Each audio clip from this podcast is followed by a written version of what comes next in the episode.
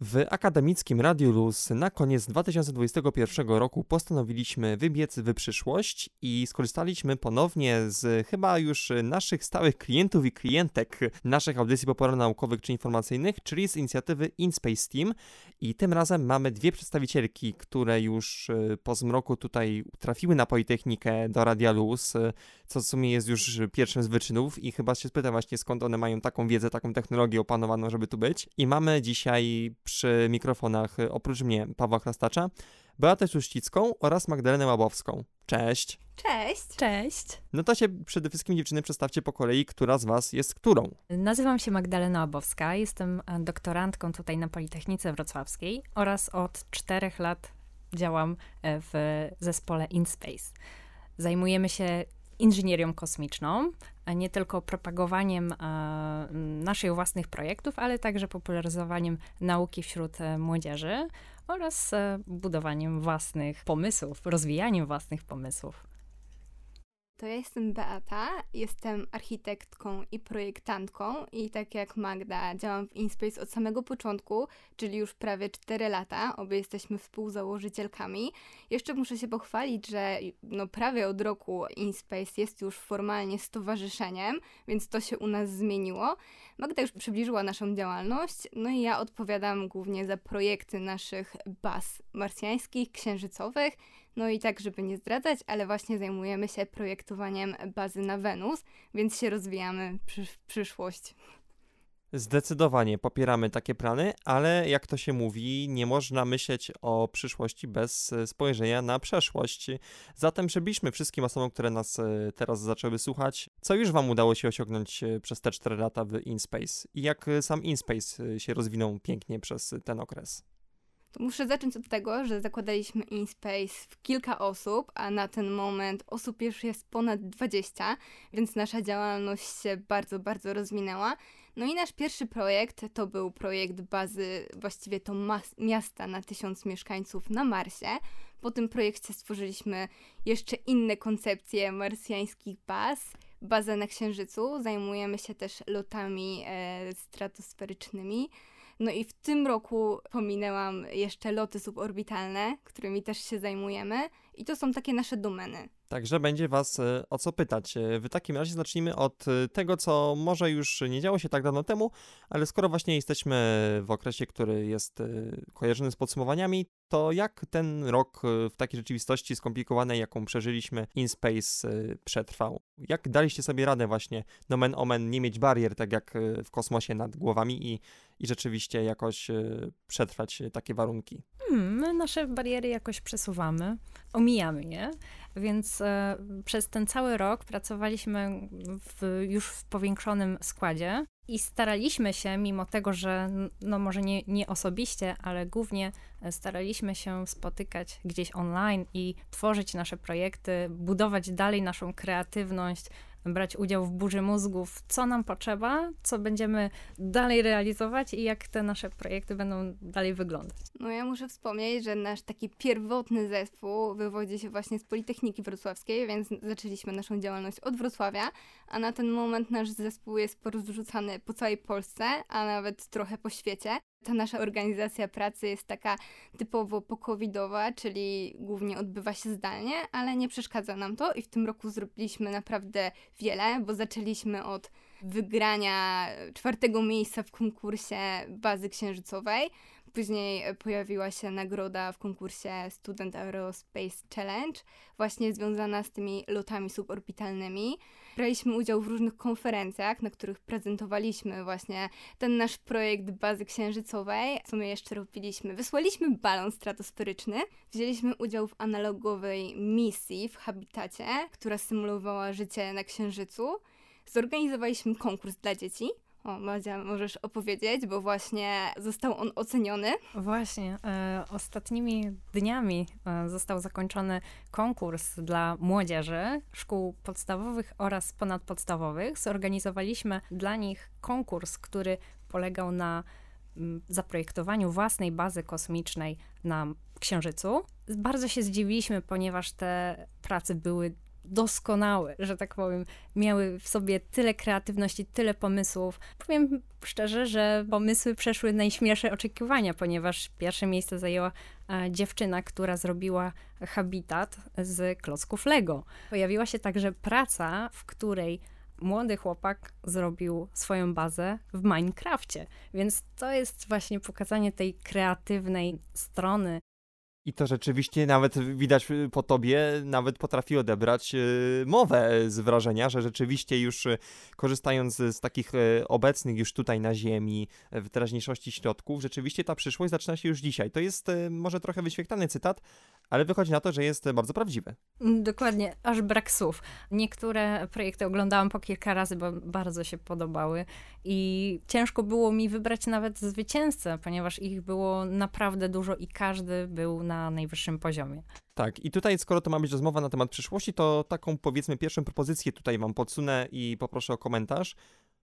Czy to oznacza, że na przyszłość kosmosu może mieć wpływ y, każdy, każda z nas? Nawet jak mamy już dzieci, nasze rodzeństwo, czy my na studiach, y, czy jeszcze jak słuchają nas młodsi na przykład licealiści, to już, to my już możemy tę przyszłość zacząć tworzyć. Tak. tak. zdecydowanie tak, możemy i do tego też zachęca nasza grupa i pokazujemy samymi sobą, bo u nas jest wiele różnych osób o bardzo różnych dyscyplinach, bo mamy architektów, programistów, marketingowców, naukowców, lekarzy i fotografów, więc każdy zajmuje się czymś zupełnie totalnie innym. No ale, ale chcemy... na przykład jak wspomnieliśmy, że będą powiedzmy współpracować z dziećmi, no to też y, postarają się dogadać i ich pomysły, jeśli się spodobają, jakoś y, dalej pociągnąć.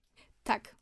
Dlatego też prowadzimy dużo warsztatów dla dzieci, żeby właśnie zachęcać ich do tego kreatywnego myślenia, ale to nie jest tylko tak, że my ich zachęcamy, tylko też czerpiemy dużo właśnie z tej pracy, bo to dzieci mają taką super ekstra wyobraźnię. A Jeszcze same właśnie dzieciaki barier. też to komentują właśnie te ich pomysły, bo wspomnieliśmy o tym, co takiego dobrego robią, ale jak wygląda ich, ich reakcja na to wszystko, jak, jak się zachowują podczas tych wydarzeń i po. Mają też z wami kontakty na przykład y, w dalszym ciągu? Tak, w zeszłym roku prowadziłyśmy takie warsztaty, właśnie po których dalej miałyśmy kontakt z tymi uczestniczkami i one były bardzo zadowolone i nam pisały, że chciałyby w przyszłości wiązać właśnie swoją karierę y, z taki, właśnie z kosmosem i że są zainspirowane. A to były dziewczynki ze szkoły podstawowej, więc myślę, że długo, dużo jeszcze fajnych rzeczy mogą zdziałać po drodze. I z pewnością konkludując y, tę hipotezę, jest ona prawdziwa, że przyszłość zaczynała się już dzisiaj i rzeczywiście już nasi najmłodsi obywatele, obywatelki we Wrocławiu i nie tylko, już dzisiaj mogą tę przyszłość kosmiczną stworzyć. Dokładnie. My mamy mm, bardzo duży wpływ na to, ze względu na to, że możemy ich coś nauczyć dodatkowego i mieć z tego satysfakcję, że przekazujemy im wiedzę, pokazujemy im jakieś różne sztuczki, a oni czerpią z tego i w przyszłości będą jeszcze lepsi. To być może oni będą e, naszymi pierwszymi astronautami gdzieś tam chodzącymi po Marsie czy po Księżycu. I to jest y, bardzo ważne pytanie, bo skoro już y, wyjaśniliśmy sobie, że ma kto myśleć o karierze kosmicznej, to czy my musimy wyjeżdżać na drugi koniec świata, czy drugie pytanie, druga hipoteza, to właśnie Polska, a zwłaszcza Wrocław, jest właśnie również przyszłością branży kosmicznej. Jesteśmy? Ja myślę, że jesteśmy, że to właśnie Wrocław staje się taką stolicą kosmiczną w Polsce, bo dzieje się tutaj naprawdę wiele kosmicznych wydarzeń, wiele firm ma swoje siedziby, no i w sumie też nasze stowarzyszenie tutaj powstało i nie tylko nasze, właśnie dużo tych kosmicznych stowarzyszeń, więc myślę, że jak ktoś e, chce wiązać swoją karierę z kosmosem, to właśnie powinien przeprowadzić się do Wrocławia albo właśnie zacząć od Wrocławia. Dokładnie. Powstał nawet na Politechnice nowy kierunek. Tak, to prawda, jestem przygotowany, bo już od y, dwóch lat y, mamy rzeczywiście kierunek lotnictwo i kosmonautyka na Wydziale Mechaniczno-Energetycznym i są to studia pierwszego stopnia, studia inżynierskie, które mają dwie specjalności napędy i płatowce oraz awionika i sterowanie. I gdybyście wy akurat miały wybierać, to co byście z tego wybrały? To jest trudne pytanie. No ja jestem po architekturze, więc w sumie zostałabym przy tym, bo uważam, że, taki, że to jest taki multidyscyplinarny kierunek, który pomaga przy projektowaniu tak. i daje tą taką tak. otwartość. No ale z drugiej strony w tej rozmowie mamy marzyć, no to gdybyś wolała się zajmować sterowaniem czy napędem, no to co byś wybrała? Ja bym wybrała sterowanie. Tak? No to ja idę w takim razie w napęd. Tak? Tak, tak. i razem łączymy siły. Dokładnie. I stworzymy rakietę i polecimy Tak. sobie. A skoro jesteś architektką, no to na pewno zrobisz ładną rakietę, więc y, też ona będzie na pewno jednocześnie funkcjonalna i piękna dla nas, którzy będziemy to podziwiać z zewnątrz. Tak, bo to jest bardzo ważne. My projektując też staramy się, znaczy staramy się, no dbamy o to, żeby nasze projekty były ładne, estetyczne, potrzebne, no i funkcjonalne. I widzisz, mam tutaj doskonałe pytanie na tę okazję i widzisz y, dosłownie, jak będzie wyglądać przyszłość kosmosu. Co możesz właśnie w tej kwestii y, szerzej rozwinąć, na przykład y, w kontekście tych wszystkich wspaniałych maszyn, które konstruujecie? No ja myślę, że będzie niezwykle ciekawa i będzie wyglądać ładnie, zachwycająco, będzie pobudzać tą naszą wyobraźnię, bo myślę, że każdy z nas ma jakiś taki obraz przyszłości z filmów science fiction, to myślę, że po prostu się nie zawiedziemy na tej naszej przyszłości, że ten taki krajobraz kosmosu będzie nas zachwycać. A możesz już zdradzić na przykład z jakimi materiałami yy, macie styczność? Na razie pracujemy na regolicie, jako na takim em, materiale kosmosu, bo zakładamy, że trzeba korzystać z czegoś, co jest na miejscu, ze względu na ten transport i na inne kwestie, więc będzie to głównie taki krajobraz regolitu. I tutaj też nawiązujemy do tego, że warto jest projektować w zgodzie z krajobrazem, żeby go nie zaburzać. To będzie ten taki materiał. Ale będą też inne materiały, bo przy jednej naszej bazie to uwzględniliśmy materiał, który ma pamięć kształtu i będzie po prostu przywracał do czegoś, co było wcześniej. Ale nawet w kosmosie tak się będzie zachowywać? Przy naszej jednej bazie właśnie wykorzystaliśmy tą pamięć kształtu i zmienność temperatur, która panuje na Marsie i właśnie uzależniając to od tego, nasza baza się otwiera i zamyka. Ja myślę, że z zewnątrz może baza nie będzie wyglądać tak fascynująco, bo będzie w kolorze e, Marsa i mm, Księżyca i to będzie się troszkę zlewać, ale Beatka tutaj na pewno wspomni też o pięknych wystrojach wnętrz i Tym bardziej, że to wykorzystaniu- tam głównie większość czasu będziemy spędzać, więc te wszystkie nasze analizy, jakieś też przemyślenia, no bo jako ludzie, i o to też zapytałem, jak się będziemy zachowywać, no to będziemy głównie mieli te interakcje wewnątrz przecież tych y, stacji czy tam baz, prawda? No po to one są, żeby w środku to, to robić. Tak, no będziemy żyć głównie w środku. Tak. Nawet wychodzenie, przynajmniej w tych początkowych fazach, Mhm. nie będzie wskazane, więc dbamy o to, żeby to wnętrze było przyjazne. No i właśnie na co zwracacie uwagę? Znaczy, po pierwsze, mm, zwracamy uwagę, znaczy zaczęliśmy w ogóle od takich analiz, zrobiliśmy badania na tym, co ludzie uważają, że fajne by było w mieszkaniu właśnie w takiej bazie. No i na tym znaczy na podstawie tego wysunęliśmy wnioski. No i zwracamy uwagę na szereg rzeczy. Po pierwsze, są to aspekty psychologiczne, żeby w tej bazie nam się żyło dobrze. I żebyśmy się nie pokłócili na śmierć, no bo to, to byłby wtedy problem. Tak, bo ten aspekt ludzki jest taki fundamentalny w tym takim życiu na Marsie.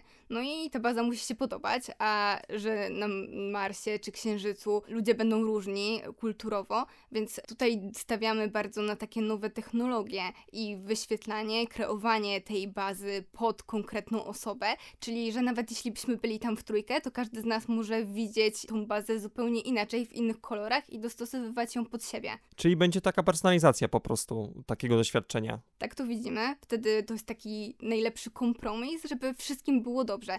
I właśnie idąc, jak będziemy widzieć właśnie ten kosmos, czyli wtedy on będzie idealny dla każdego z nas, bo każdy będzie mógł personalizować sposób, który odpowiada mu najbardziej. Czyli co, na przykład y, coraz częściej stosowana jeszcze na Ziemi, jak na razie rozszerzona rzeczywistość, y, może się przydać właśnie w takich bazach?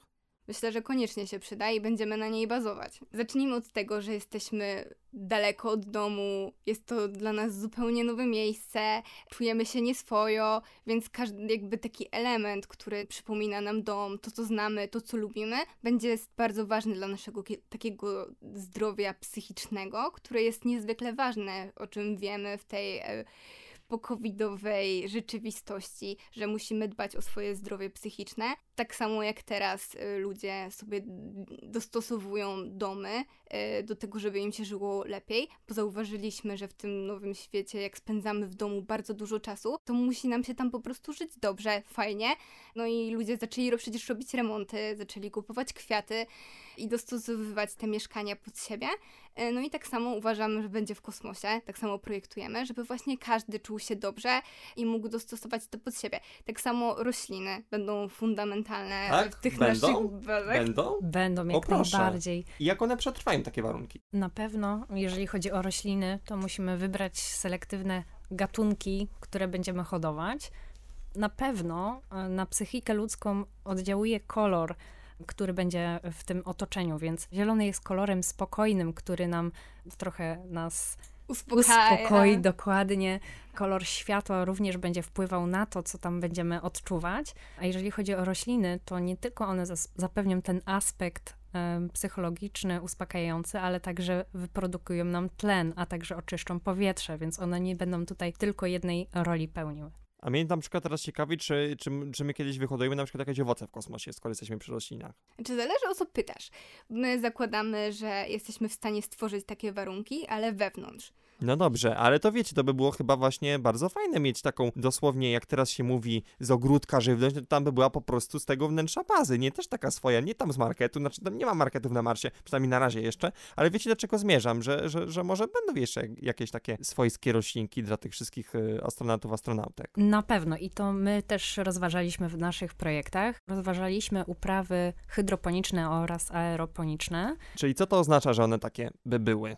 czyli pewne gatunki, które są odpowiednio e, nawodnione. Tam w zasadzie ta hodowla nie wymaga wykorzystywania ziemi, em, która może być toksyczna e, na Marsie, e, w której też niezbyt bardzo można hodować rośliny przed oczyszczeniem regolitu. Dlatego rozważaliśmy w głównej mierze uprawy, tak jak wspomniałam, hydroponiczne, gdzie tylko do mm, uprawy roślin wykorzystamy wodę oraz substancje, które będą wspomagały rozwój roślin. Dobrze, ale podsumowując, y, co będziemy jeść w kosmosie? Nie tylko ziemniaki, jak z filmu Marsjanin, e, ale także inne różne warzywa, owoce, głównie warzywa i owoce, ale także i algi. Algi zawierają w sobie ogromne ilości substancji, które mogą wspomóc nasze. Funkcjonowanie w takich warunkach na przykład, Dokładnie. żebyśmy dali radę. Zapewnią nam dużo energii, e, białko, e, witaminy, e, ale także no nie tylko e, oczyszczą powietrze, czy zapewnią nam tlen. Oczyszczą również i wodę, czyli będą wykorzystywane przy zamkniętym układzie, więc algi można też również wykorzystać nie, nie tylko do oczyszczania powietrza, e, eliminacji dwutlenku węgla, czy do zwykłego jedzenia. Można je także wykorzystać e, przy oczyszczaniu wody e, w zamkniętym układzie, e, w zamkniętym obiegu wody możemy na przykład oczyszczać ścieki, ale także e, oczyszczać bieżącą wodę pitną. Ale właśnie dostając e, przy napojach dziewczyny, czy na Marsie też będziemy mogli życzyć komuś smacznej kawusi? No mam nadzieję, że tak, bo bez kawy to ciężko. Tak, ale pytanie jest jak najbardziej poważne. Co będziemy także pili w kosmosie? No my To zakładamy... co na Ziemi? Wszystko? Wszystko. No, myślę, że będzie to możliwe. Ogólnie to przy, początkowej fazie w ogóle zakładamy, że dużo żywności będziemy po prostu transportować z Ziemi, bo będzie po prostu niemożliwe jej wytworzenie. E, Dopiero w tych późniejszych fazach, kiedy zbudujemy całą infrastrukturę i wszystko, co jest tam nam potrzebne, to będziemy faktycznie wytwarzać, tworzyć własne hodowle, żeby dążyć do takiej samowystarczalności pobytu tam. Ja myślę, że również e, jest pewien napój, z- który można zrobić z każdego owoca i z każde, każdego warzywa. Tak, i także ta kreatywność z pewnością będzie wykorzystana. No to dobrze, powiedzmy, mamy tę najbardziej podstawową potrzebę fizjologiczną zapewnioną, no to teraz e, jak będziemy dbać e, o swoją higienę, o swój wygląd w kosmosie? Myślę, że podobnie jak na Ziemi, bo łazienka jest nam niezbędna, więc my zakładamy takie moduły sanitarne, ale ym, że woda jest trudna do pozyskania, y, bo jest ograniczona, to ta woda będzie po prostu w obiegu zamkniętym, czyli będziemy ją oczyszczać i ponownie używać. Ja myślę, że również wygląd się może troszeczkę zmienić, ym, chociażby przez ewolucję, bo na przykład czy na Marsie, czy na Księżycu jest zupełnie inne oddziaływanie grawitacyjne. Mniejsza dostępność e, Słońca w przypadku Marsa może spowodować, że nasze oczy urosną, żeby troszeczkę więcej łapać tego światła. Możemy także urosnąć albo zmaleć przez tą grawitację. Mm, Może nasza waga się zmienić, e, możemy zmienić kolor skóry, bo będziemy mieć zupełnie inne zapotrzebowanie na promieniowanie ultrafioletowe, w zasadzie dostępność tego promieniowania, a także może wkroczy tutaj nowa era medycyny estetycznej, która będzie nam pomagała szybciej się regenerować po tak. jakichś urazach, bo tam nie wiemy, jak będzie się zachowywało ciało czy organizm ludzki w przestrzeni kosmicznej. Tam są zupełnie różne warunki, nie takie jak na Ziemi, e, także tu wszystko może mm, przebiegać zupełnie inaczej. Jeszcze tego wstrącę do tego mycia. To, że będziemy się myć jak na ziemi, to jest taka odleglejsza przyszłość, bo ten sam początek niestety będzie inny, bo ojej, tak jak jest na razie na... Nie będzie romantycznej kąpieli na Marsie na dzień dobry. No na dzień dobry będziemy myć się mokrymi chusteczkami i nie będzie super kosmicznego prysznica niestety. Ale z drugiej strony, no nie odbierzcie tego pytania źle. Na przykład się zastanawiam, czy w kosmosie na Marsie na przykład będzie też e, stosowany makijaż? Czy będziecie jakoś też stroiły i dbały też o, o tę stronę swojej prezencji? No myślę, że to będzie istotne dla takiej psychologicznego punktu, żeby dobrze wyglądać. Indywidualna kwestia, bo nawet tu na Ziemi nie każda, nie każda osoba potrzebuje mieć make-up, tak, żeby no czuć ale, się dobrze. A no dobrze, ale okej, okay, no to może powiedzmy coś, co chyba jest y, mimo wszystko chyba potrzebne każdemu. Będą fryzjerzy na Marsie? to jest temat, przy którym sprzeczaliśmy się przy każdym projekcie, czy fryzjerzy są potrzebni na Marsie, czy nie. No i zdania są podzielone. To jakie są argumenty obu stron? Możecie je przytoczyć? No ogólnie uważamy, że ten zawód jest potrzebny, ale drugim, drugą stroną medalu jest to, że jest to zawód, który można wykonywać po godzinach.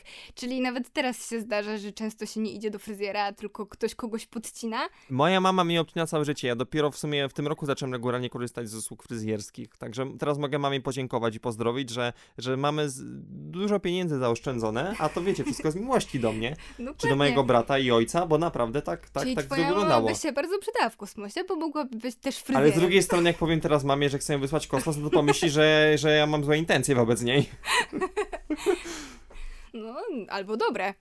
No, widzicie, ale z drugiej strony nawet to pytanie o warzywa i owoce też nie było przypadkowe, bo my mamy też rodzinny warzywniak, także jak na razie ja pytam o takie rzeczy naprawdę, które są mi bliskie, więc tym bardziej cieszę się z waszych odpowiedzi, ale na przykład powiedzieliśmy o fryzjerach, ale ogólnie no też jak włosy czy skóra, wiecie już jak mogą się inaczej zachowywać e, w kosmosie? Czy na przykład będziemy częściej czy rzadziej potrzebowali te włosy obcinać? Wiemy już to? Może dokładnie nie wiemy, jak będzie się mm, zachowywać ludzki włos, ale wiemy, jak się będą zachowywać ludzkie mięśnie, co zostało mhm. E, sprawdzone już na ISS. Był taki eksperyment, e, w którym uczestniczyło dwóch bliźniaków. Jeden został na Ziemi, drugi został wysłany w kosmos. Po powrocie e, bliźniaka z Międzynarodowej Stacji Kosmicznej, ten bliźniak został zmierzony razem z tym drugim i się okazało, że ten, który przebywał w mikrograwitacji, był troszkę wyższy ze względu na to, że nam troszeczkę te e, kręgi e, między kręgosłupem e, się troszkę wydłużyły, co po prostu po jakimś czasie się znormalizowało i ten wyższy bliźniak wrócił do swojego wzrostu. W mikrograwitacji mięśnie działają zupełnie inaczej. W zasadzie potrzebujemy wykonywać jakieś ćwiczeń ze względu na możliwość braku, y, możliwość zaniku e, mięśni, a także wystąpienie to już w kościach osteoporozy. Tak, dlatego my zakładamy taki plan dnia dla mieszkańców baz i taką fundamentalną rzeczą właśnie są ćwiczenia, które będą nawet więcej niż raz dziennie. No i to projektując nawet miasto na Marsie, też staraliśmy się zachować odległości w taki sposób, żeby one wspomagały to, żeby ludzie spacerowali, żeby nie potrzebowali dojeżdżać z budynku do budynku, tylko żeby właśnie chodzili w celu tego, żeby te mięśnie nie zanikły. Szkoda, że ta mikrograwitacja w tym przeszkadza, ale ja to bym wychodzi na to, że otworzył siłownię na Marsie. No, byłoby zapotrzebowanie. Byłoby totalnie. Właśnie w każdej naszej bazie jest jakaś siłownia. A, bo właśnie miałem spytać, bo jest, jest mikrograwitacja, nie? No to może istnieć jakaś siłownia? Gdzie rzeczywiście można jakoś ćwiczyć, a jeśli już, to, to, to, to, to co można tam robić? Na Międzynarodowej Stacji Kosmicznej, gdzie nie ma praktycznie tej grawitacji, są urządzenia, które pozwalają na ćwiczenie, wykonywanie jakichś e, tam ruchów, które pozwalają na spięcie mięśni. Natomiast na Marsie i Księżycu ta grawitacja jest, e, tylko że troszeczkę mniejsza, dużo, dużo mniejsza niż e, na e, Ziemi. I możemy sobie wyobrazić, jakby wyglądał mecz koszykówki na, chociażby na Marsie. Na pewno byłoby to komiczne.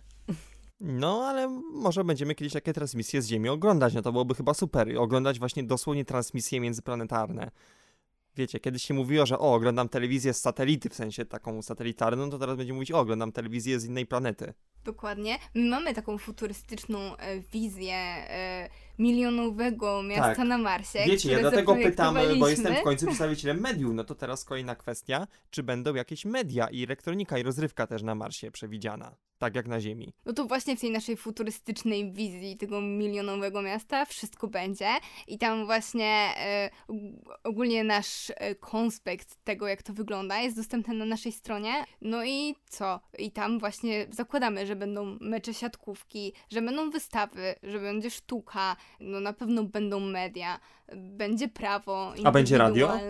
A będzie radio? No koniecznie, Musi więc być. zapraszamy, bo miejsca jeszcze nie są obsadzone. Tak, także pamiętajcie, jeśli trzeba będzie potrzebować jakieś pierwsze radio w kosmosie, to wiadomo, Radio Luz się poleca. No i przy tym projekcie, tak właśnie, oprócz tego, to pojawiają nam się zupełnie nowe kwestie. Na przykład, Mhm. czy to prawo będzie uwzględniać roboty. E, bo my nasz projekt zaprojektowaliśmy w, w jakby mm, w- na kształt gazety z newsami. No i tam stwierdziliśmy, że musi istnieć indywidualne prawo dla robotów, bo co jeśli one też zaczną e, łamać prawo? No właśnie, no to nasi prawodawcy muszą o tym pomyśleć, ale widzicie, to jest kolejna bardzo ważna kwestia, którą teraz my się powinniśmy rozwinąć. Rozumiem, że właśnie roboty też będziemy zabierać ze sobą na Marsa i na inne e, możliwe miejsca. Myślę, że może nie tyle co zabierać, tylko budować już tam na miejscu. Nawet na miejscu? Obecnie y, wyniesienie kilograma w przestrzeń kosmiczną jest bardzo drogie, mm, ale w przyszłości może te ceny troszkę zmaleją, mm, dużo, dużo zmaleją. No ale mimo wszystko zawsze im lżej, tym taniej to będzie. Tak, dlatego myślę, że możemy budować już tam na miejscu z komponentów dostępnych. No i to będą komponenty analogiczne do tych, które mamy na Ziemi, czy takie roboty będą z innych już klocków e, budowane? W dobrą stronę zmierzamy, bo e, idziemy w stronę górnictwa kosmicznego i po co tak naprawdę chcielibyśmy się osadzić na innych planetach, e, czy to na Księżycu, czy na Marsie, bo mm, obecnie poszukujemy nowych złóż nie tylko na, na, na Ziemi, ale także na Księżycu Tak, i interesują nas Marsie. surowce, które też są na orbitach, więc jakby ten dostęp. No i dlatego teraz, no właśnie w sumie ten rok jest też taki istotny dla e, tematu kosmicznego, bo odbywa się taki wyścig 2.0, no i odbyły się loty suborbitalne. Pierwsze takie, gdzie ludzie przekroczyli tą granicę kosmosu, więc e, ten temat staje się nam taki coraz bliższy. No a o co chodzi? Wszyscy jakby chcą polecieć ten kosmos e, ze względu e, na te złoża, które tam będą. A jeśli już mówimy o nich, no to co już wiemy, że jest e, szansa, że będziemy mogli wydobywać z kosmosu? Jakie surowce? Zainteresowania są nie tylko względem Marsa, y, nie tylko Księżyca, gdzie na Księżycu znajdują się pokłady Helu-3, natomiast chcielibyśmy też polecić trochę głębiej y, w pas asteroid, gdzie, Tak, miałem o tym mówić, czyli dobrze kojarzę, asteroidy. ale nie tylko, Nie tylko? ponieważ chcielibyśmy lecieć dalej, y, czyli na przykład No nie Jo- macie litości, wy Może chcecie cały dalej. kosmos opanować. Pewnie.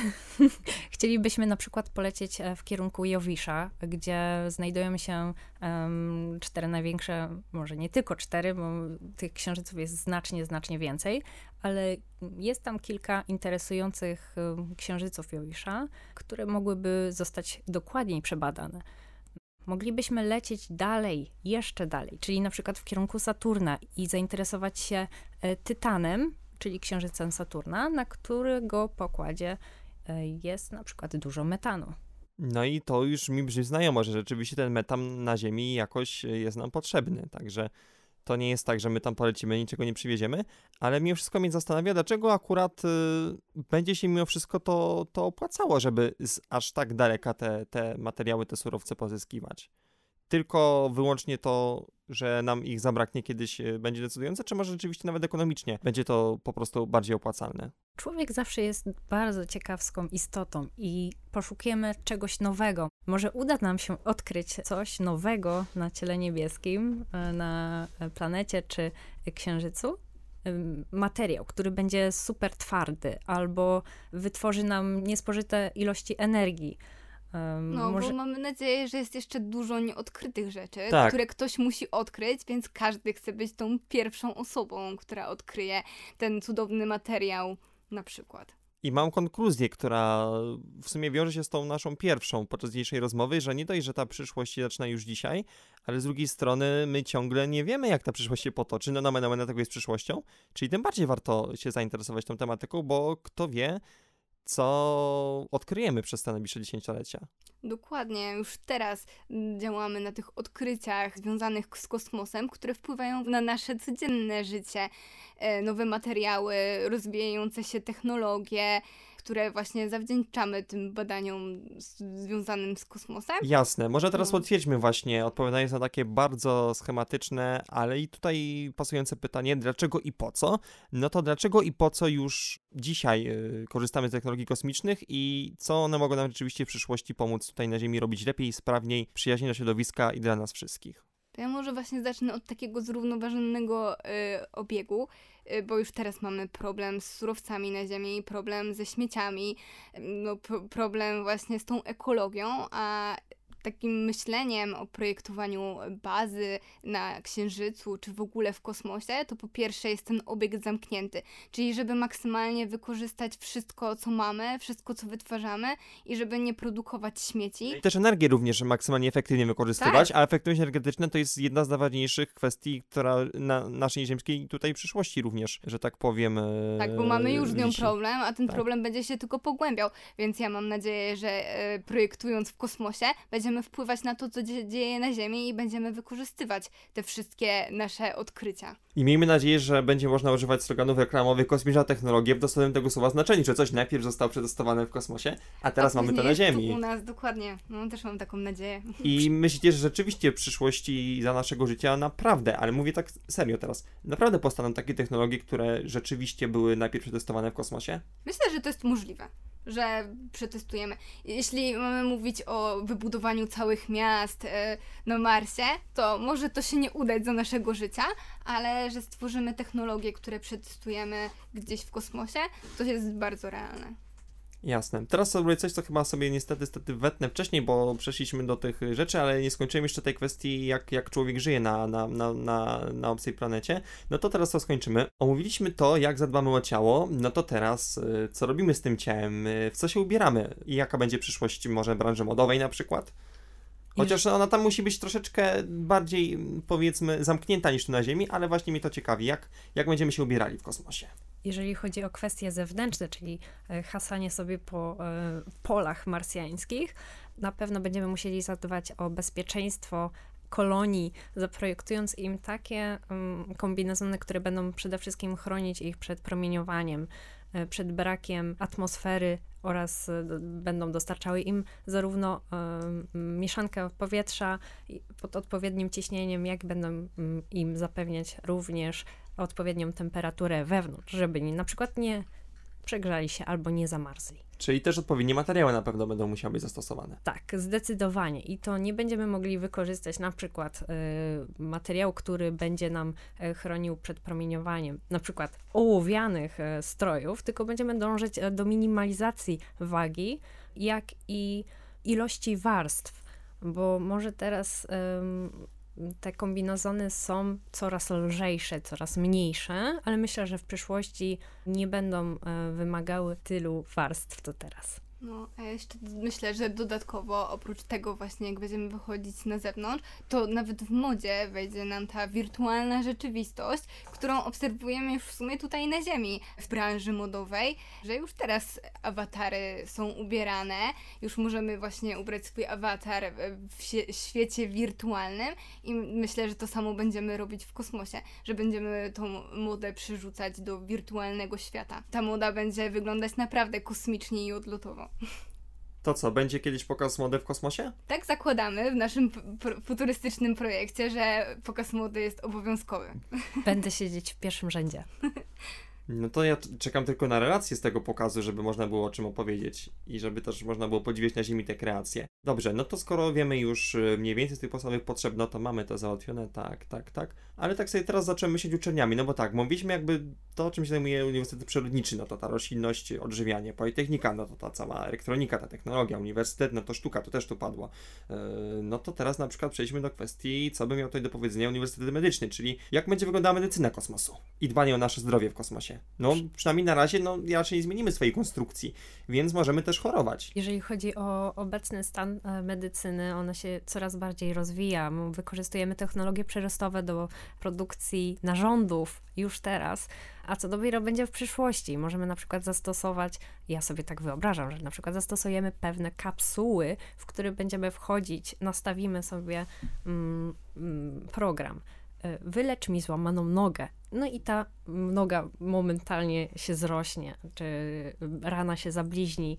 E, Myślę, że sobie tak to wyobrażam, to co może dziać się w przyszłości. Czyli co, może na przykład wzrost automatyzacji właśnie tych procesów. Na pewno automatyzacja, Bo na pewno nowe technologie to będzie coś, co, jest, co, co się rozwinie w przyszłości, bo już teraz do tego dążymy. Już teraz ten przyrost szybkości rozwoju technologii jest błyskawiczny, a jak mówimy o tym, jak będzie wyglądać nasze życie w kosmosie, to na pewno te technologie będą o wiele bardziej rozwinięte niż teraz i niektóre aspekty nawet ciężko nam sobie wyobrazić, że mogą być aż tak odjechane, jak pewnie będą.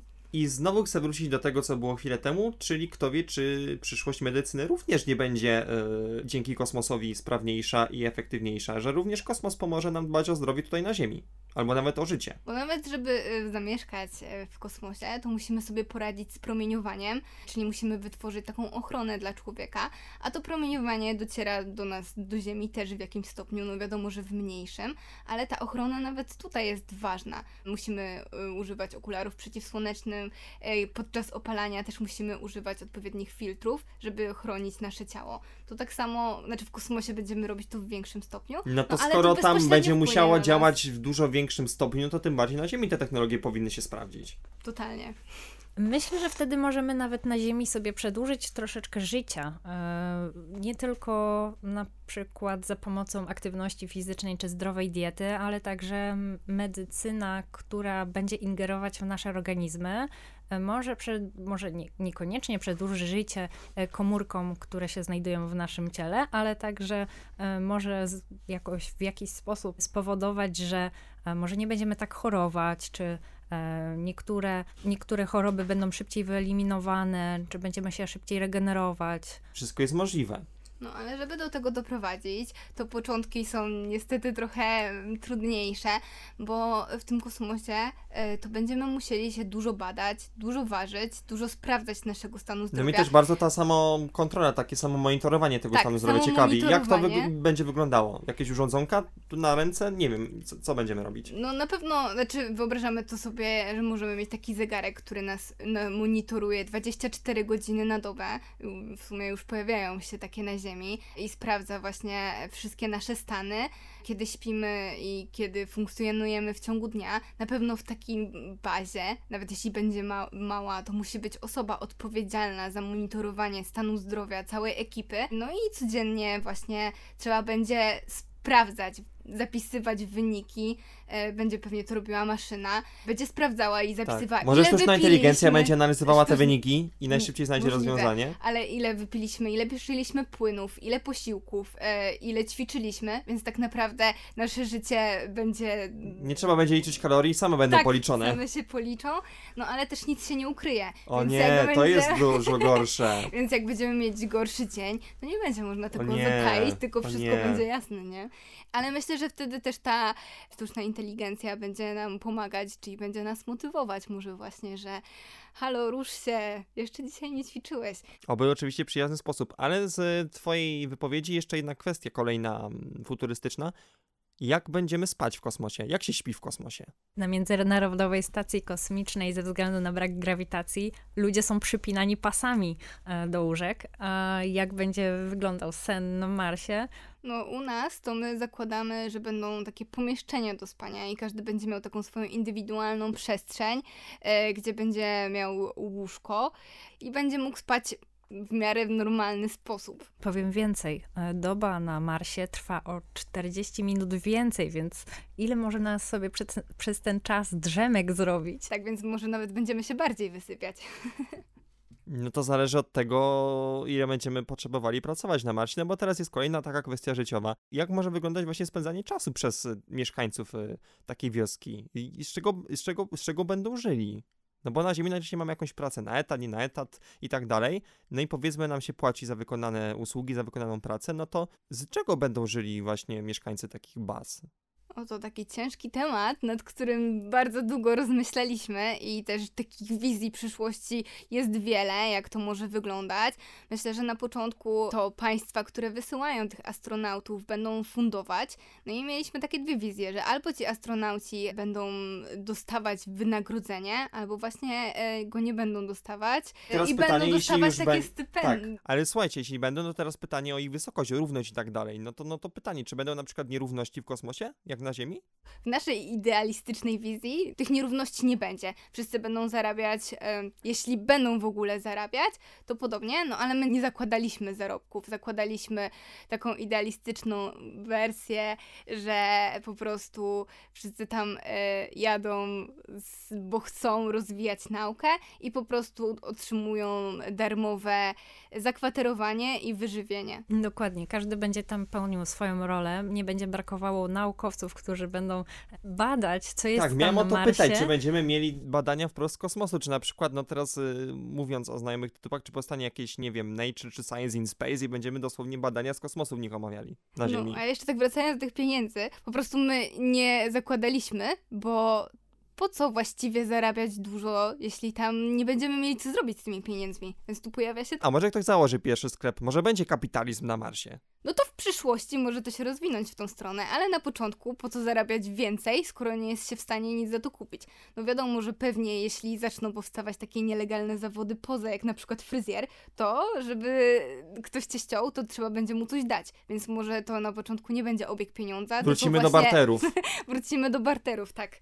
Tak to może się zacząć. No to rzeczywiście y, trudno teraz sobie wyobrazić, jak, jak to będzie wyglądać, ale skoro powiedzieliśmy o spaniu, o łóżkach, no to aż ciśnie się jedna jeszcze kwestia w tej dziedzinie.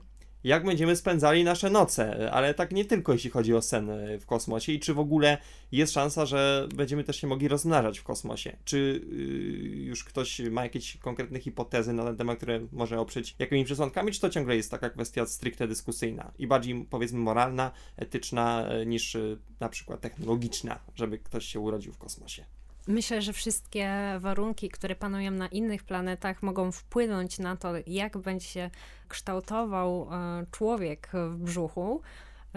Myślę, że na przykład zmniejszona grawitacja może na to dużo wpłynąć.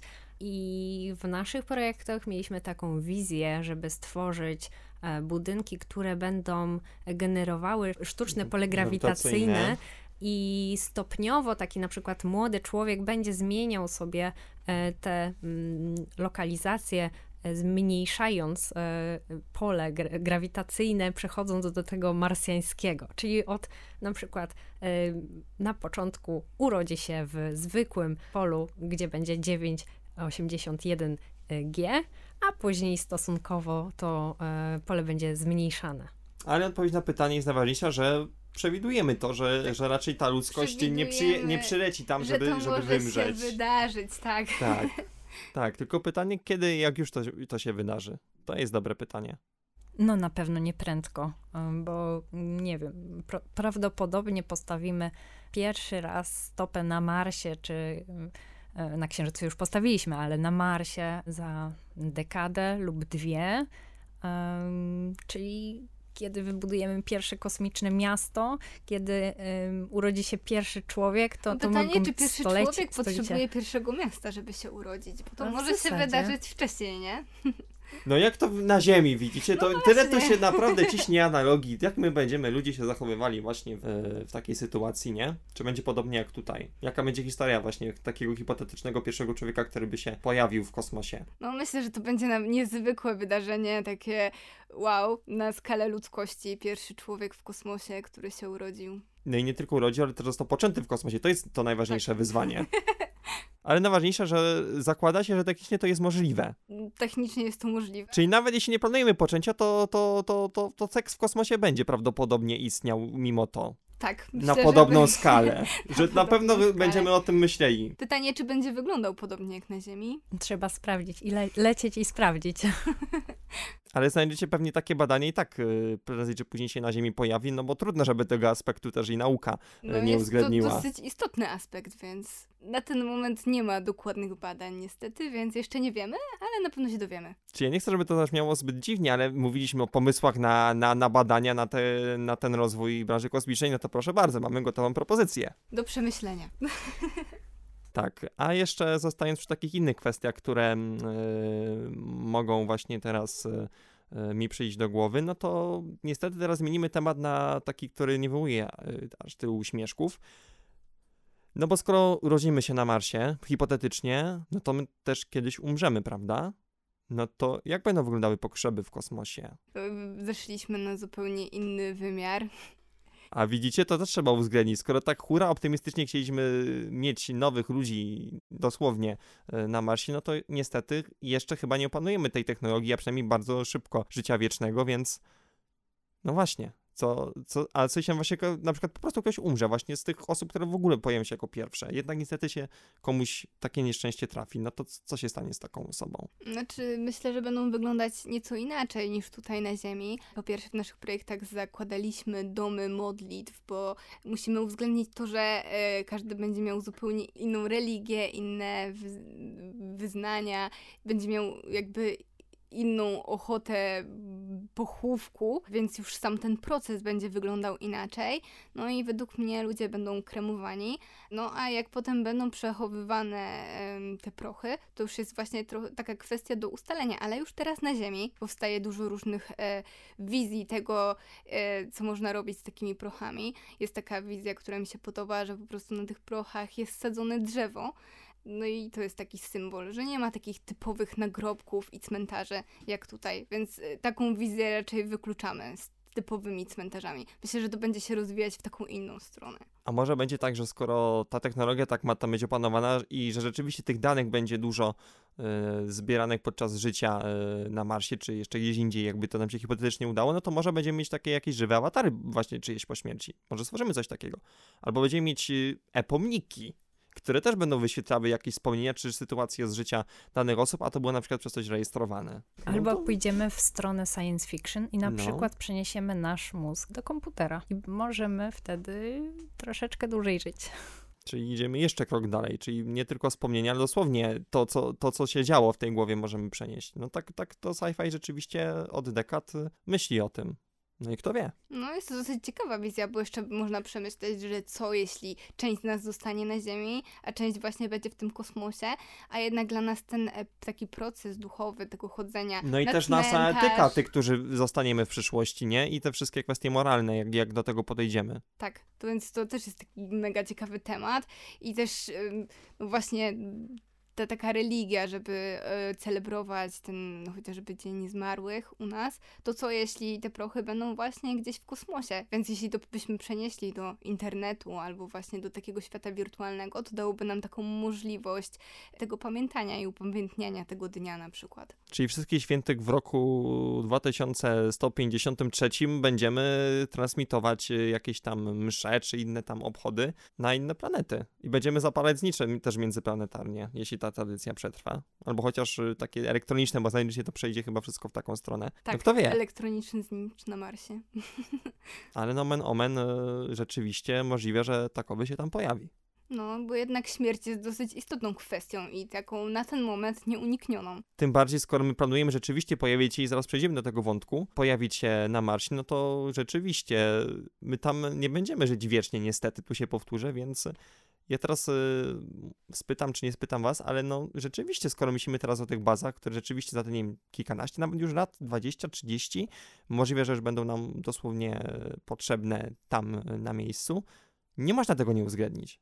Czyli tutaj mamy kolejny e, temat do badania na najbliższe lata. Też gotowe, proszę bardzo, na- nasi słuchacze i słuchaczki, pomysły na badania. Tak, to jak szu- ktoś szuka pomysłów na badania, to zapraszamy. Dzisiaj pomysłów mamy dużo. Tak, i znając życie może być ich jeszcze więcej, ale wiecie co? Rozmowa jest super, jest świetna. Naprawdę mamy okazję tutaj sobie pośmieszkować, sobie pożywać wyobraźni, ale teraz y, podsumujmy, dlaczego w ogóle o tym wszystkim rozmawiamy. Pamiętajmy, że ta kwestia tych podróży kosmicznych, y, czy naszego powrotu na Księżyc, y, na- naszych ambicji na Marsa, czy na inne też planety, czy na inne materiały. Dlaczego? I to jest chyba paradoksalnie na koniec dopiero najważniejsze pytanie tej rozmowy dlaczego przyszłością są właśnie takie podróże. Mimo iż na Ziemi mamy mnóstwo problemów, mamy kwestię katastrofy klimatycznej, mamy te wszystkie inne kwestie środowiskowe, nierówności społeczne i te wszystkie inne jakieś złe rzeczy, które się dzieją na świecie, które tutaj są jeszcze nieogarnięte, no to dlaczego mimo wszystko przyszłością są te podróże kosmiczne według Was? Myślę, że takie podróże kosmiczne mogą zrewolucjonizować to, co się teraz obecnie dzieje. E, Może mm, uratujemy naszą Ziemię, może nie jest za późno, żeby e, wprowadzić nowoczesne technologie, które na przykład e, obecnie wspierają rynek samolotów suborbitalnych i już te podróże są dostępne komercyjnie. Mm, Wspierają także rozwój nowych materiałów, czy poszukiwania tego materiału gdzieś dalej. Jeżeli może uda nam się dotrzeć na inną planetę, może tam gdzieś odkryjemy nawet i życie, ze względu na to, że na Ziemi znamy warunki, w jakich to życie zostało ukształtowane, a na innych planetach niestety są inne warunki, więc tam to życie może się nawet objawiać w zupełnie inny sposób. Więc człowiek jako istota, która jest bardzo ciekawa, która poszukuje wszystkiego, co e, może być nowe, dąży do tego, żeby odkryć mm, no, odpowiedzi na pytania, takie jak czy we wszechświecie istnieje życie. No bo mamy dużo nurtujących pytań, na które wciąż szukamy odpowiedzi, więc może to nas do niej przybliży, a może po prostu już w ogóle dowiemy się wszystkiego i to zaspokoi naszą ciekawość. Oj, aż tak optymistyczny bym chyba nie był mimo wszystko, ale zdecydowanie może być tych rzeczy, które odkryjemy dzięki eksploracji kosmosu, może być dziesiątki, setki, to, to taka skala rzeczywiście, czy wynalazków, czy, czy, czy technologii, które jak już wspomniałem tutaj na Ziemi są nam potrzebne. Dzięki temu, że będziemy to aż tak mocno starali się rozwijać, myśląc o tym, że wysiemy w kosmos, że dzięki temu szybciej te technologie trafią tutaj i na nas jeszcze na Ziemi, którzy raczej się tak szybko mimo wszystko zdecydowanie większość istot nie wydostaniemy.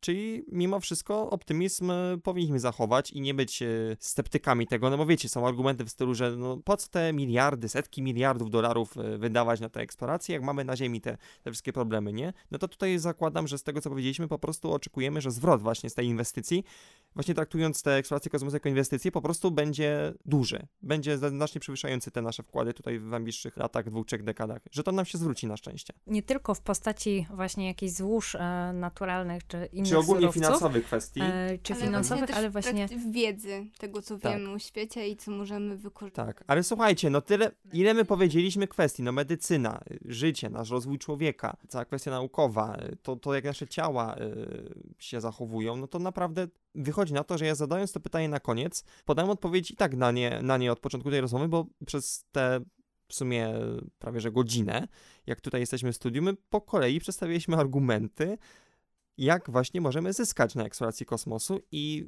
po tak licznych pomysłach no to wychodzi na to, że bilans zysków i strat y, jest na korzyść zysków. Dokładnie.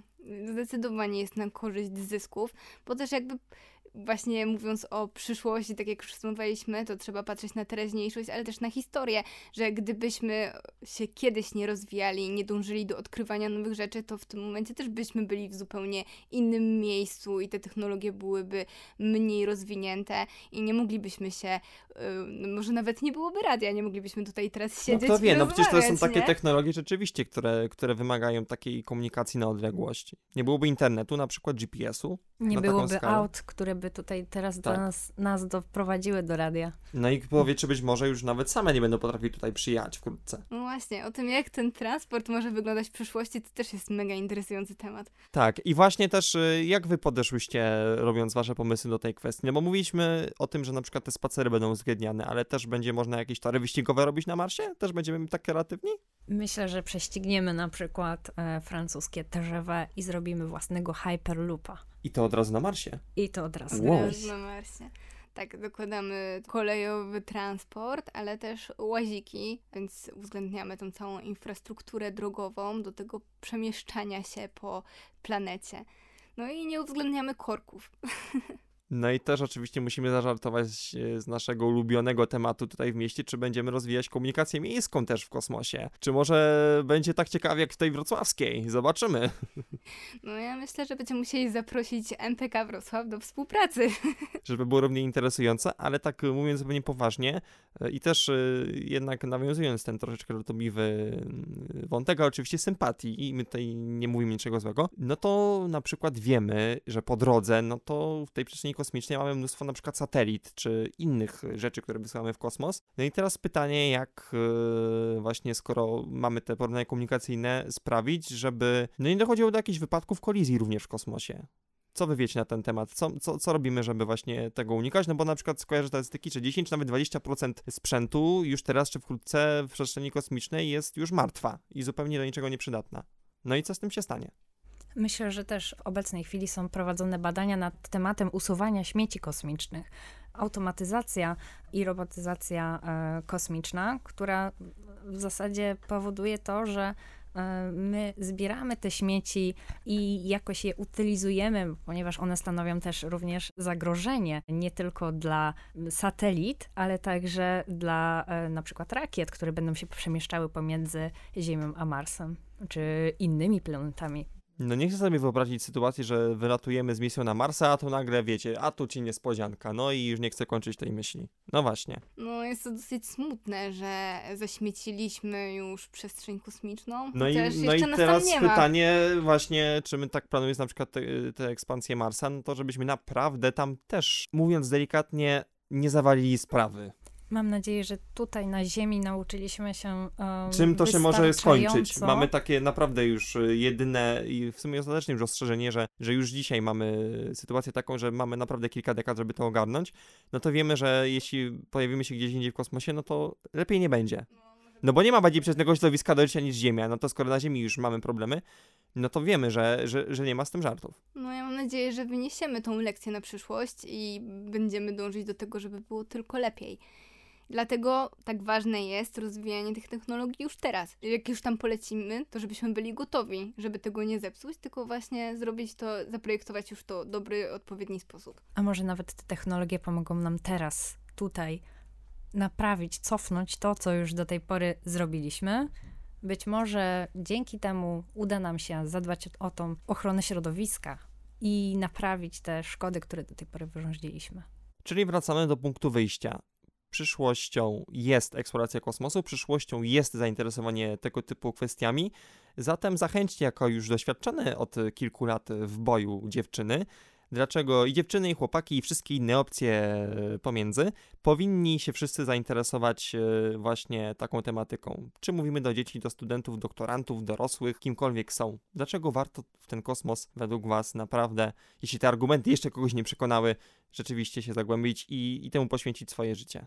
Znaczy, bo pierwszy argument to to jest nasza wspólna przyszłość, więc musimy nad nią pracować, musimy jakby wszyscy odkrywać ją razem, bo nie wiadomo, kto odkryje coś ważnego. Tu nie ma takiego podziału, że jakaś dziedzina jest ważniejsza, jakaś mniej ważna, tylko właśnie do tej wiedzy, która doprowadzi nas do tego życia w kosmosie, każda osoba jest ważna, dlatego zachęcamy wszystkich. Każdy jest potrzebny i każdy może wnieść coś od siebie. Ale widzisz, Bato, czy to nie jest trochę tak, że powiedzmy takie pójście w kierunku pracy nad rozwojem tych, tych technologii nie będzie właśnie taką doskonałą formą aktywizmu tutaj dla nas ziemian? No bo jaki może być bardziej skuteczny aktywizm niż dosłownie wzięcie sprawy w swoje ręce?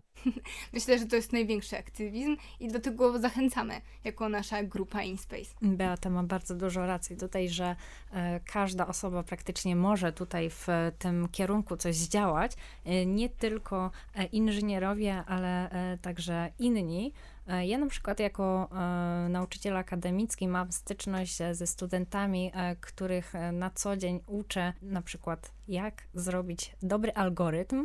Uczę ich to w sposób kreatywny, aby ich tego zachęcić.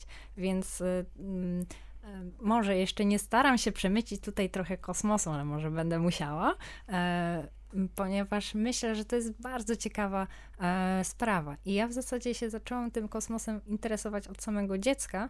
E, I dopiero teraz zauważyłam, że to jest nasza przyszłość że nie tylko będziemy mieli taką tutaj ostoję na Ziemi, ale także gdzieś indziej być może będziemy w przyszłości e, na święta lecieć e, na zupełnie inną planetę. Ale na... żeby nie było znowu korków międzyplanetarnych, jak to wyjazd na święta. No. Żebyśmy tych złych praktyk nie przenieśli na, na, na, na, na kosmos dużo rzeczy, które e, na przykład e, jest pokazywanych w filmach science fiction, które kiedyś były dla nas zupełnie obce, one już są. One e, w obecnej chwili są często spotykane i już nie robią na człowieku wielkiego wrażenia.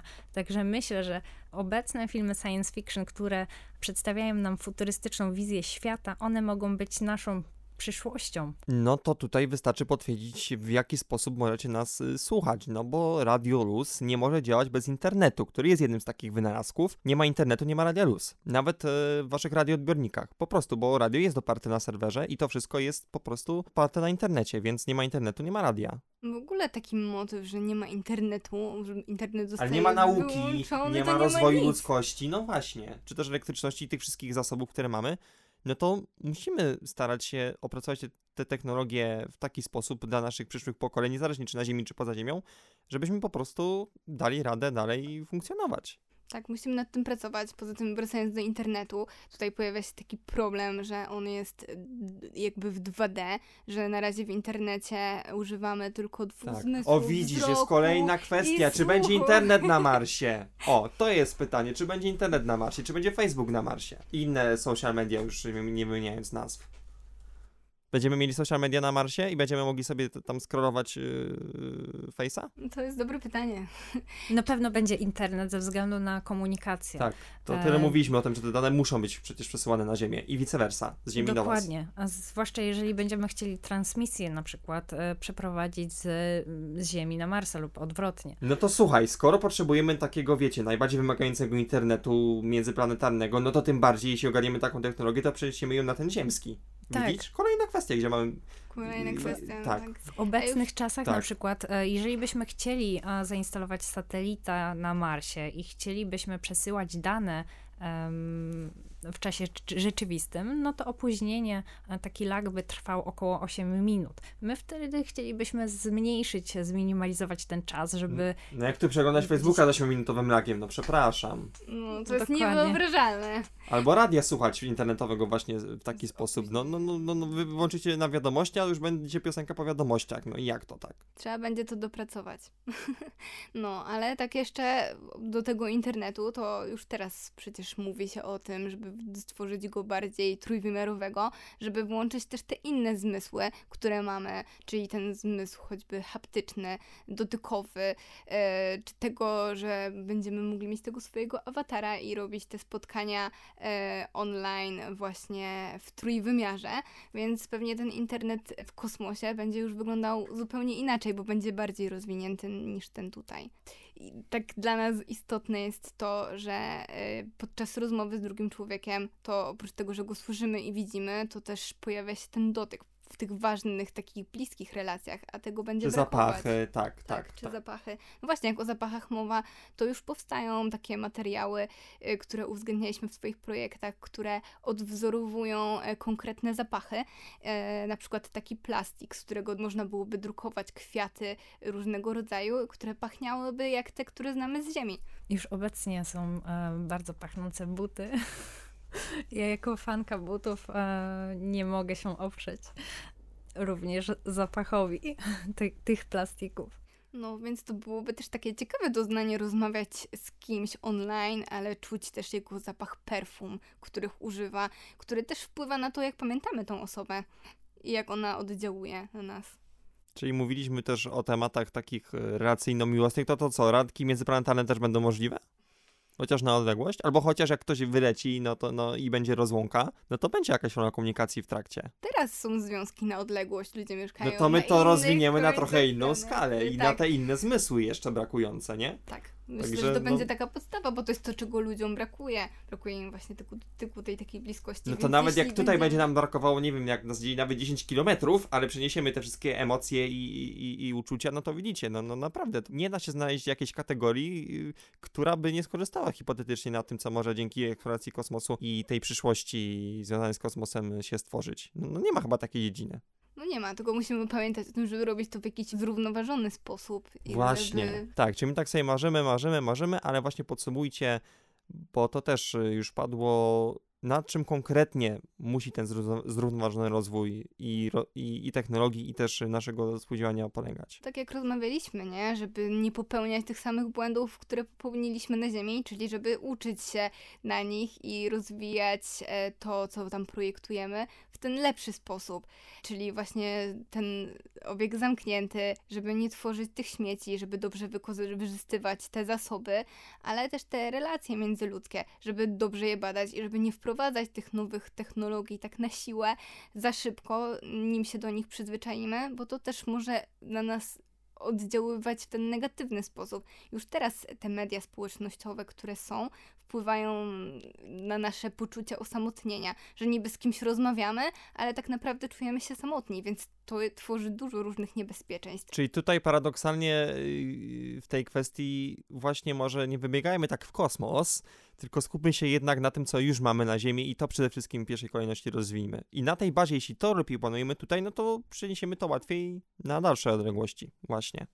Tak, i dlatego właśnie, tak jak zachęcałyśmy z Magdą, każdy jest potrzebny e, do badania kosmosu, no bo na przykład tutaj bardzo wchodzi ta kwestia taka psychologiczna, jak ten człowiek się zachowuje, e, co jest dla niego dobre, jak nie przesadzić, właśnie ta medycyna, e, te zdrowie psychiczne, więc właściwie potrzebujemy różnych ludzi do rozwoju tych Tak jak mówiliśmy, także artyści, sztuka. No mówiąc o naszym radiu, no słuchajcie, nasze radio, no to tak, dział realizacji dźwięku, technika, no to wiadomo, na kosmosie podstawa. Dział promocji, no to mówiliśmy, ta komunikacja i tak dalej, wiadomo, podstawa. Popora naukowa, wiadomo, ma pracę, no bo są badania. Informacyjno-publicystyczna, no wiadomo, no musimy o czymś rozmawiać, nie? Albo wiedzieć, co się dzieje tam na ziemi, hen daleko. Sportowa, było, że, że jakieś mecze będą. Muzyczna, o właśnie. A, a jak z muzyką? Czy w jaki sposób będzie się udało słuchać muzyki na Marsie? No, czy radio jest oparte chyba w dwóch trzecich czy czwartych w sumie na muzyce, więc to jest bardzo ważne pytanie. Skoro mówiliśmy, że będzie radio, no to czy będzie muzyka w radiu? Na pewno w zwykłej przestrzeni kosmicznej ze względu na próżnię ten dźwięk się nie, roz, nie roznosi, więc jak oglądam e, filmy science fiction, to zawsze mnie e, dziwią te głośne wybuchy gdzieś tam e, w przestrzeni kosmicznej, ale jeżeli chodzi o... em, Ten elektroniczny dźwięk na, na przykład. gdzieś e, bazę taką e, na innych planetach, to ja myślę, że no, bez problemu. Muzyka jest też częścią jakiegoś takiego bycia człowieka. To, to co mm, człowiek ma w sercu, e, to, co mu tam gra, to powinno być też częścią życia. Ze względu na to, że muzyka może też wpłynąć bezpośrednio e, na przykład na jakieś procesy poznawcze. To, tak działa na takiej samej zasadzie jak na przykład perfumy, że my kojarzymy pewne e, zapachy z czymś, z jakimiś czynnościami, czy e, na przykład pomagają nam się uczyć. Tak samo dźwięki również mogą wpływać na to, e, co my w tej chwili odczuwamy, czy może być smutna muzyka, czy może być wesoła, żeby poprawić nastrój, może być jakaś sentymentalna, bo potrzebujemy na przykład oderwać się i polecieć w inne miejsce. Natomiast e, muzyka też może wspomóc procesy uczenia się, czy No i też wchodzi tutaj miejsce dla artystów, żeby zaprojektować taki kosmiczny koncert, który będzie wyglądał zupełnie inaczej niż Miałem ten to właśnie powiedzieć w końcu, no kiedy pierwszy koncert na Marsie? No chociaż niestety będzie ograniczone raczej do pomieszczeń, ale, ale będą, zakładam, te wewnętrzne właśnie. Ale myślę, że będziemy też w przyszłości w stanie wykorzystać właśnie e, ten brak dźwięku do stworzenia zupełnie innego dźwięku, który będziemy odbierać w inny sposób. Czyli Może okazuje się, że, to, że ten dźwięk, który teraz y, znamy w tej postaci, on przejdzie kolejną rewolucję dzięki temu, że będziemy chcieli go przenieść w kosmos. Może się tak wydarzyć, jest to niewykluczone. Czyli kosmos jest też przyszłością dźwięku, dźwięk, przyszłością muzyki, przyszłością sztuki. możemy y, wykorzystać zwykłe y, na przykład instrumenty, z których korzystamy od wieków na Ziemi, ale możemy również wymyślić inne, które będą em, działały na zasadzie zamiast na przykład bębnów wykorzystamy gary. No, na to bym nie wpadł. Ja w dzieciństwie się tak bawiłam. Nie miałam e, perkusji, więc wtedy rozstawiałam sobie miski i gary i później mama przychodziła i krzyczała. Tak, dlatego mówiliśmy na początku, że już dzieci zachęcamy do takiej aktywności, no bo właśnie widać, już jako y, dziewczynka wiedziałaś, że to się przyda w przyszłości w kosmosie, no i, no i widzisz, masz teraz gotowe rozwiązanie, które możesz komuś dalej przekazać i, i co, opracow- opracujecie to, to, to i tyle.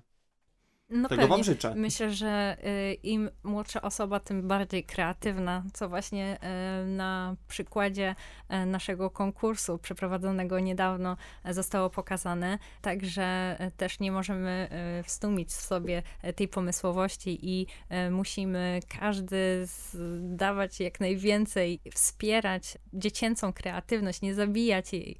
Ktoś wpadnie na najbardziej irracjonalny pomysł, to nie możemy tego negować, bo być może to w przyszłości się w jakiś sposób da rozwinąć. Może uda nam się to przedstawić w taki sposób, że to będzie do zrealizowania i to w przyszłości będzie norma. Czyli skoro ta audycja będzie wyemitowana w okresie takim świąteczno-noworocznym, kiedy mamy takie spotkania rodzinne, no to skoro mamy być przyszłością, to rozmawiajmy całymi rodzinami o kosmosie.